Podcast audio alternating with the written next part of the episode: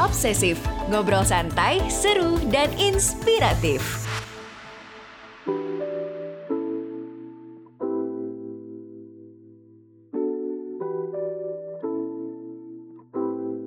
Hai hai hai teman obsesif, selamat datang kembali di episode terbaru Obsesif.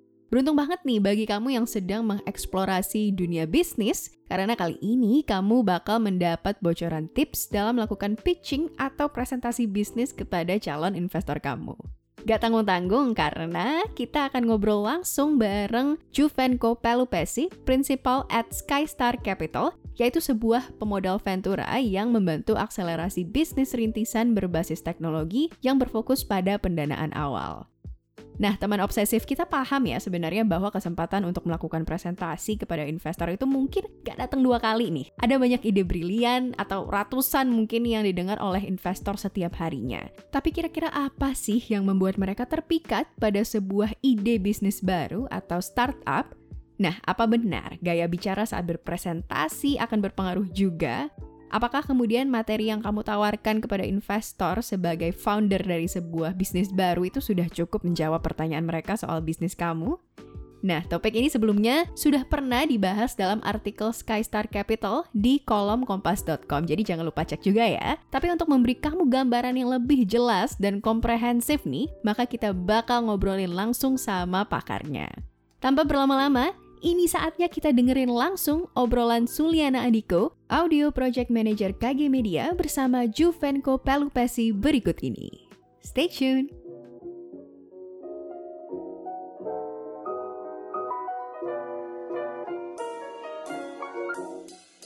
Oke, halo Juve, apa kabar? Baik nih, so apa kabar? Baik, baik. Sehat-sehat ya? Sehat. Moga-moga okay. kamu juga sehat, so. Ya, amin. Sehat-sehat. Oke, okay. Juve hari ini kita akan ngobrol mengenai uh, how to make a killer pitch deck for founders gitu ya saat mereka pitching ke startup gitu. Tapi before we go to the topic, mungkin Juve bisa uh, introduce yourself, uh, latar belakang lu sekarang kesibukannya ngapain secara singkat uh, before we get uh, down to the topic gitu. So, my name is Juvenko Pelupesi, biasa sih dipanggil Juve. Saya ini principal dari Skystar Capital uh, a venture capital that focus on technology funding itu biasanya fokus ke pendanaan seed to series A. Dan sebelum bergabung sama Skystar Capital, I was actually an ex-founder. So I was the original founder of Bibit yang merupakan aplikasi reksadana yang leading di Indonesian. Uh, so at this time, I was I'm focusing on contributing ya dalam sisi mentorship uh, dan juga uh, bisa dibilang itu management of portfolios uh, serta mengidentifikasi investment opportunities uh, of ini ya deals yang bisa kita investasiin. Oke. Okay. Oh jadi uh, fokusnya sekarang mentorship sama portfolios ya? Iya, uh, dan juga nyari investment opportunities lah. Kali aja bisa dapat unicorn ya. oh ya juga ya. Oke. Okay. Oh so you're next founder of Bibit? Yes, yes. Oke. Okay. Mungkin lu bisa cerita sedikit ya bagaimana saat lu uh, singkat aja gitu uh, saat journey lo paling menarik saat bangun bibit? Saat bangun bibit paling menarik itu I uh, would say would be ini ya uh, semua orang nggak percaya ya kalau misalkan okay. karena kebetulan background saya itu kan nggak ada background investasi ataupun finance finance ya so I came from a, a humble beginning I was actually a traditional entrepreneur mm -hmm. uh, I built a few SMBs uh, ya ketika saya mau bikin bibit sih orang semua nggak percaya that this is actually a legit business. But uh, ya thankfully sih uh, somewhat proving them wrong ya. Karena menurut aku sih orang yang aku selalu ngomong nih ke founder-founder founder mana pun ya. Mungkin uh, semoga pendengar ini ada founder. So I would always tell people that only crazy people think that they can change the world are usually who would be able to do it. Jadi orang yang emang gila ingin merubah dunia itu yang biasanya yang akan merubah dunia dan kebanyakan orang melihat orang gila, kalau kita di sisi investor itu kita melihat itu geniuses. Itu sih. I see. Jadi pada saat lo bangun Bibit, justru malah orang-orang nggak percaya ya? Nggak percaya. But then now Bibit is actually successful, right? Like Yeah, yeah, yeah. But I sold it off. I exited back in yeah, 2019. Yeah. I sold it off to Stockbit, yeah. So Stockbit uh, I have to give the credit to Stockbit. So I, I'm the one who was actually building the foundation, tapi Stockbit yang menggedekan nama Bibit. I see. Um, nah, semakin berkembangnya uh, apa namanya zaman dan juga dinamika pertumbuhan teknologi, artinya kan sebenarnya banyak banget ide-ide bisnis baru yang bermunculan. And then we know that there's nothing new under the sun gitu ya. Tapi menurut Juve sebagai principal Casar Capital, sebenarnya ide bisnis apa sih yang saat ini masih uh, appealing gitu ya atau menarik bagi investor saat ini? So basically kita itu investor itu selalu ngeliatin tren ataupun bisa dibilang timing and the size of the total addressable market ya. Jadi kebanyakan investor itu kalau dilihat itu invest pada opportunity dengan sektor yang total addressable marketnya itu besar. Dan ini dikarenakan ya karena perfect timing sedang terjadi secara makroekonomi. Saya kasih contoh ya, kayak misalkan e-grocery. E-grocery itu yang seperti di portfolio kita ada namanya Pasar Now. Itu sektornya itu bertumbuh pesat karena propelled by COVID. So the other yes. sector itu juga namanya wealth management ya. Wealth management itu seperti bibit ya. So bibit was actually propelled by COVID as well. Nah makanya investor itu punya prinsip yang sederhana yaitu jika memilih sektor yang tepat itu bahkan uh, trash stock itu will thrive. Uh, jadi emang ada prinsip seperti itu di uh, investor. Jadi walaupun kita itu nggak perlu cherry picking, uh, cherry well, sorry cherry picking itu perlu, Cuman sebenarnya sektor itu paling penting itu. Hmm. So tadi tadi trash stock. Trash stock artinya itu kayak misalkan saham yang jelek. Jadi kayak misalnya oh, okay. investasi di capital market ya. Kalau misalkan mm -hmm. ada uh, ada ada bisa relate kalau investasi di capital market kita kalau misalkan milih yang sektor yang tepat, tapi sahamnya itu saham sampah, itu tetap aja thrive gitu. Karena sektornya oh, okay dibantu oleh secara makro ya, secara makro dibantu hmm. gitu. Jadi ada ada katalisnya ya sebenarnya ya. Iya, jadi itu emang uh, inilah uh, bahasa uh, kalau misalnya ada teman-teman investor itu pasti ngerti lah ada ada saying seperti ini. Uh, always pick the right sector because if you pick the right sector, the trash stock will also thrive gitu. Oke, okay. Sip tam yang paling penting ya. Oke, okay. uh, tadi Juve udah ngobrol soal total addressable market kemudian sama sektor yang seksi gitu ya. Nah sebenarnya saat menciptakan ide bisnis, mana yang lebih penting antara kecanggihan teknologinya sama solusi yang ditawarkan? Uh, selalu diingat ya bahwasanya investor tuh sebenarnya tidak pernah berinvestasi pada teknologi, namun selalu berinvestasi pada bisnis tersebut. Jadi sebenarnya teknologi itu hadir untuk mengotomasi beberapa bagian dari bisnis tersebut sehingga ada bahasanya menjadi scalable. Nah, jadi kalau dari sudut pandang saya sendiri itu solusi itu selalu menjadi nomor satu. Namun sangat tidak jarang ya eh, kalau di dunia startup itu teknologi itu menjadi bagian dari solusi tersebut untuk membuat satu bisnis model itu menjadi sukses gitu so. Hmm. Jadi sebenarnya sama-sama penting ya. Sama-sama penting, tapi lebih penting solusi. lebih penting solusi ya. Oke. Okay. Yeah. Dan uh, saat founders pitch their solution to the investor, sebenarnya komponen penting apa sih yang harus ada? Komponen paling penting itu adalah latar belakang founder ya, sama co-founders hmm. pastinya. Itu sangat mengerti karena kita itu uh, ingin mendapatkan confidence bahwasannya founder tersebut itu mengerti apa yang sedang dikerjakan dan memiliki tim yang tepat untuk mengeksekusi rencana tersebut.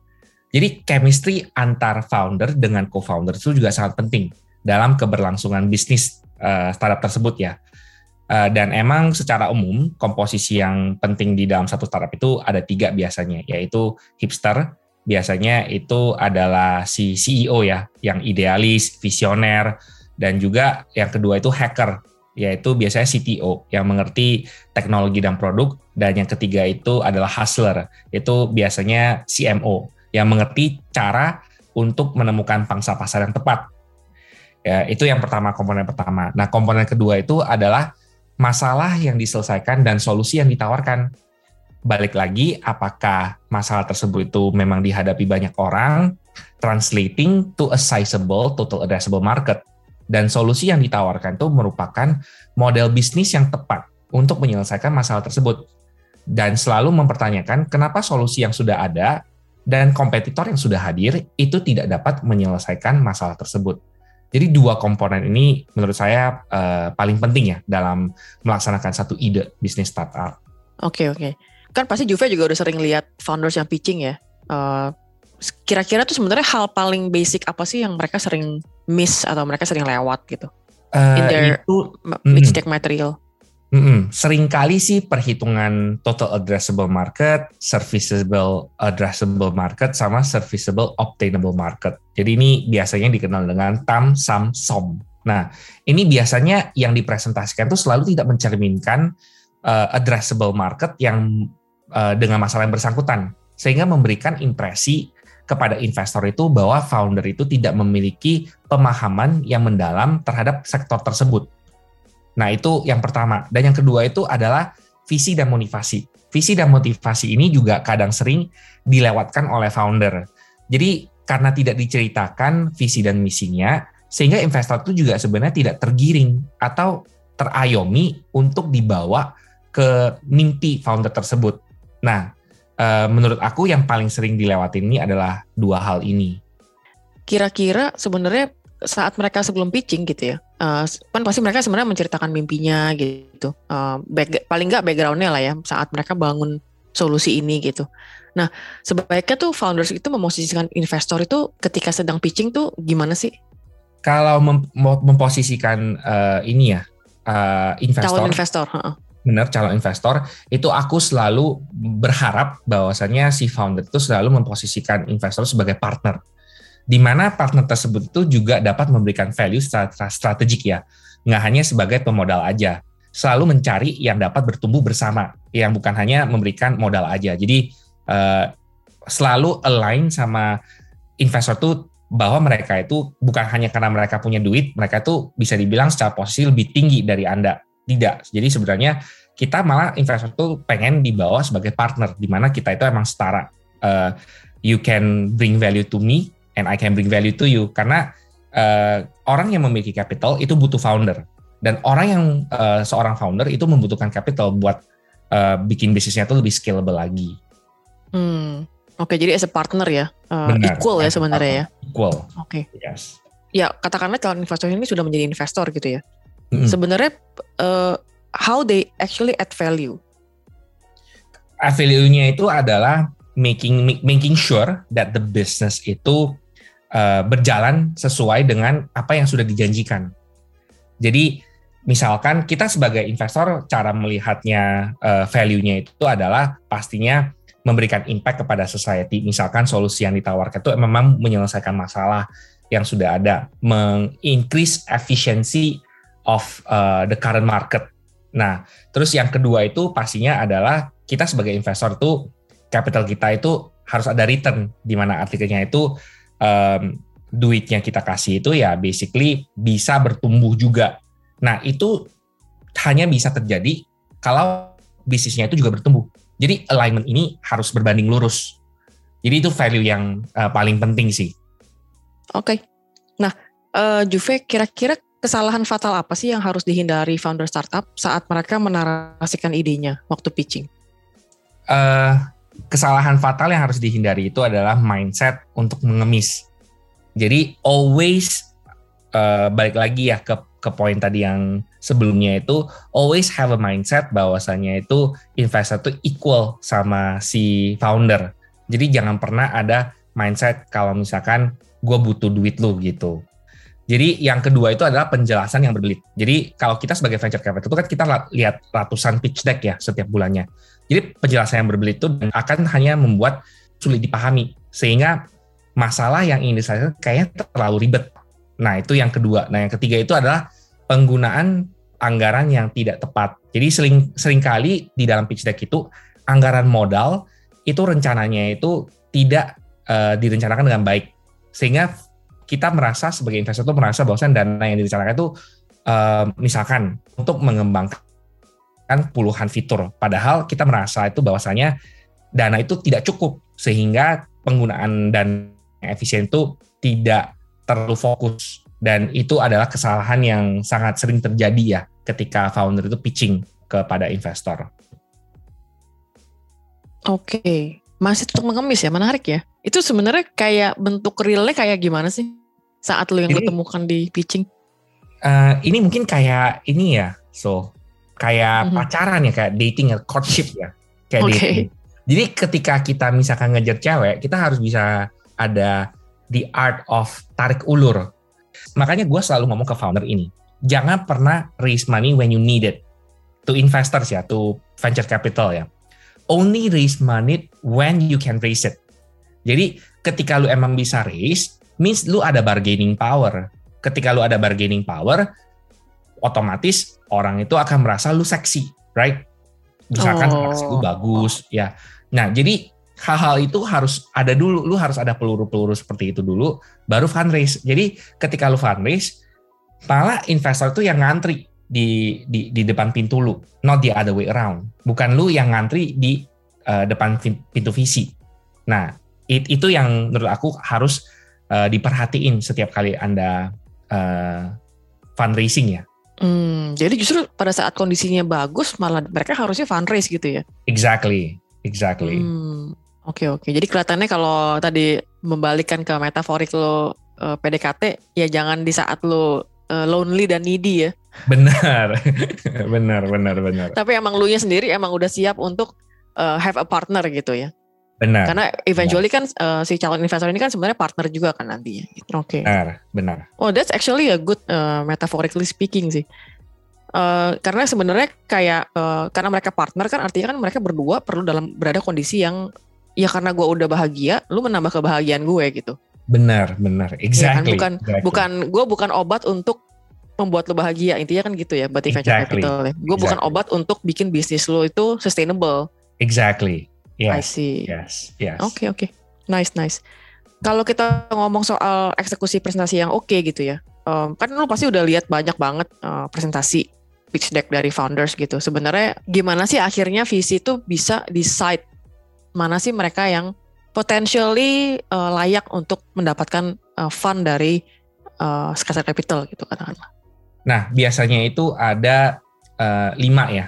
Yang pertama itu pastinya adalah focus team with proven mm-hmm. ability to execute. Nah, aku garis bawahi proven ya. Jadi yeah. itu adalah uh, so I would say investing itu is a confidence game. Jadi ketika si foundernya itu emang ada background history yang emang udah pernah ngelakuin ini selama berpuluh tahun, ya kita confidence-nya itu lebih tinggi. Yaitu itu yang pertama. Uh, yang kedua itu serving unmet need in large and growing market balik lagi ini yang total addressable market tadi. Di mana itu emang gede dan juga timingnya itu pas. Nah yang ketiga itu adalah solusi yang emang berbeda differentiated solution uh, plus supporting data. Jadi dalam arti kata itu emang lu bisnis lu udah jalan walaupun dengan skala kecil tapi it's proven bahwasannya ini supporting bahwasannya uh, solusi itu tuh emang membantu gitu. Emang ada yang mau pakai istilahnya begitu ya.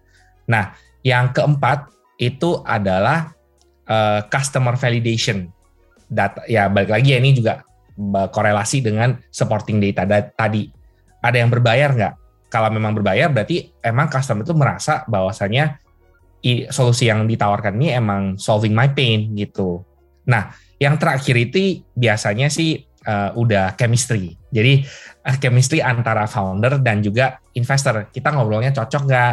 kita merasa bahwasanya duit yang kita kasih itu sesuai nggak dengan tesis yang kita mau yang kita perposin ya jadi kayak misalkan contohnya itu uh, dari kita itu tesisnya kita pengen duitnya itu dipakai hanya secara uh, di Indonesia aja nggak dibawa sampai ke uh, Singapura ataupun ke negara ASEAN lainnya nah hal seperti itu udah lanjut ke chemistry jadi biasa ada lima sih Hmm, Makanya kayaknya um, sempat ada istilah founders bed gitu ya. Sebenarnya itu kayak kayak apa sih Juve situasinya? Nah, founders bed itu contoh uh, mungkin saya bisa kasih contoh kayak uh, foundersnya itu emang di jad, udah jadi direktur di satu perusahaan misalnya perusahaan FMCG ya. Dia mm-hmm. udah jadi direktur tuh udah 20 tahun. Terus kemudian dia uh, berani keluar, berani resign dari jabatan direktur tersebut hanya untuk melakukan startup. Jadi ketika orang udah melakukan that taking that leap ya, itu otomatis kita sebagai investor ngelihat ini confidence bang, ini orangnya confident banget, apalagi kita ya, kita, eh, seorang seorang direktur tuh turun hanya untuk bikin startup.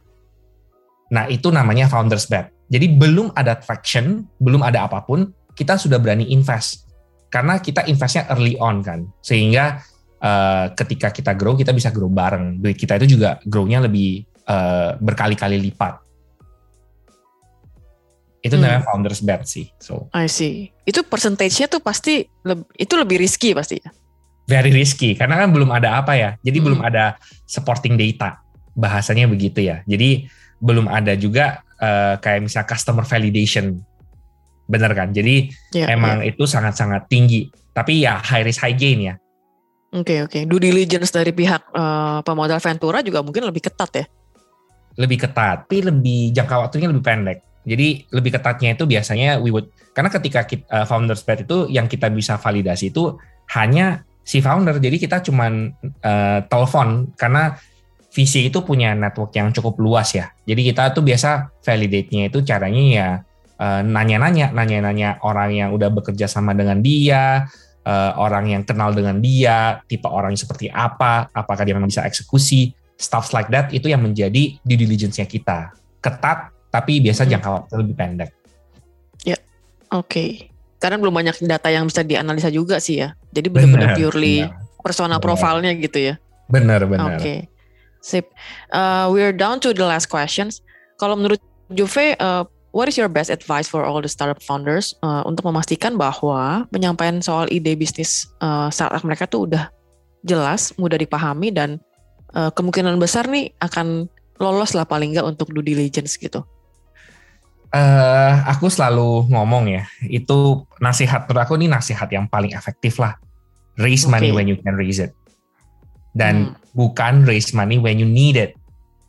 Dan itu di, du, di dua, dunia luar itu, there are many source of capital. Nggak harus dari VC. So, I always tell early stage founders itu VC comes later.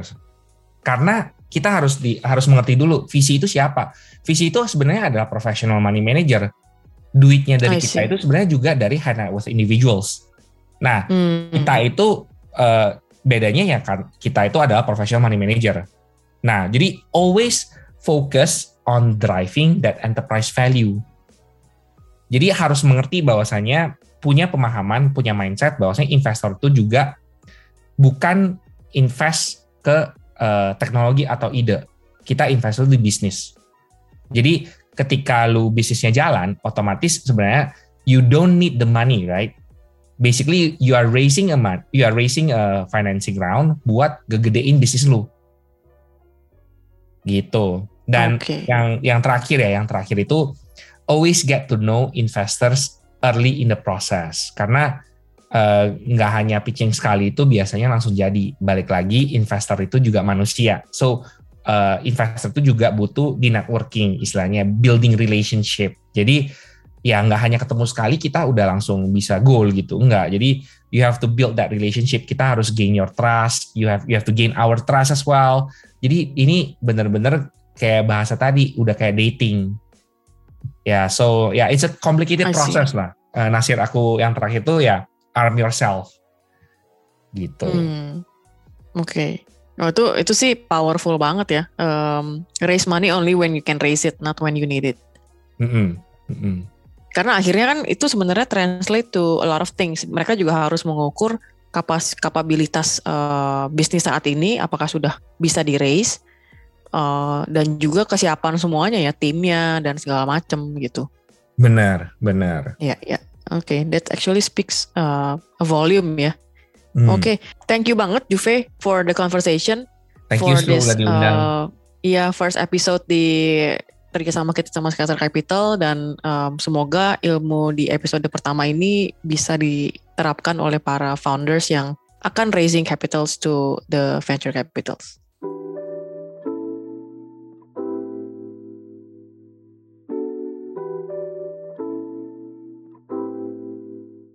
Wow, sungguh menarik ya pembicaraan barusan. Tapi nggak sampai di situ aja nih teman obsesif. Masih ada tips menarik lainnya seputar bisnis startup di episode berikutnya nih. So, teman obsesif, jangan lupa untuk pantau terus episode terbaru obsesif yang gak akan kalah menarik dengan follow kita via Spotify atau platform podcast lainnya. It's a wrap for this week's episode. Gue Ellen Bellian dan segenap tim obsesif pamit undur diri. Sampai jumpa lagi.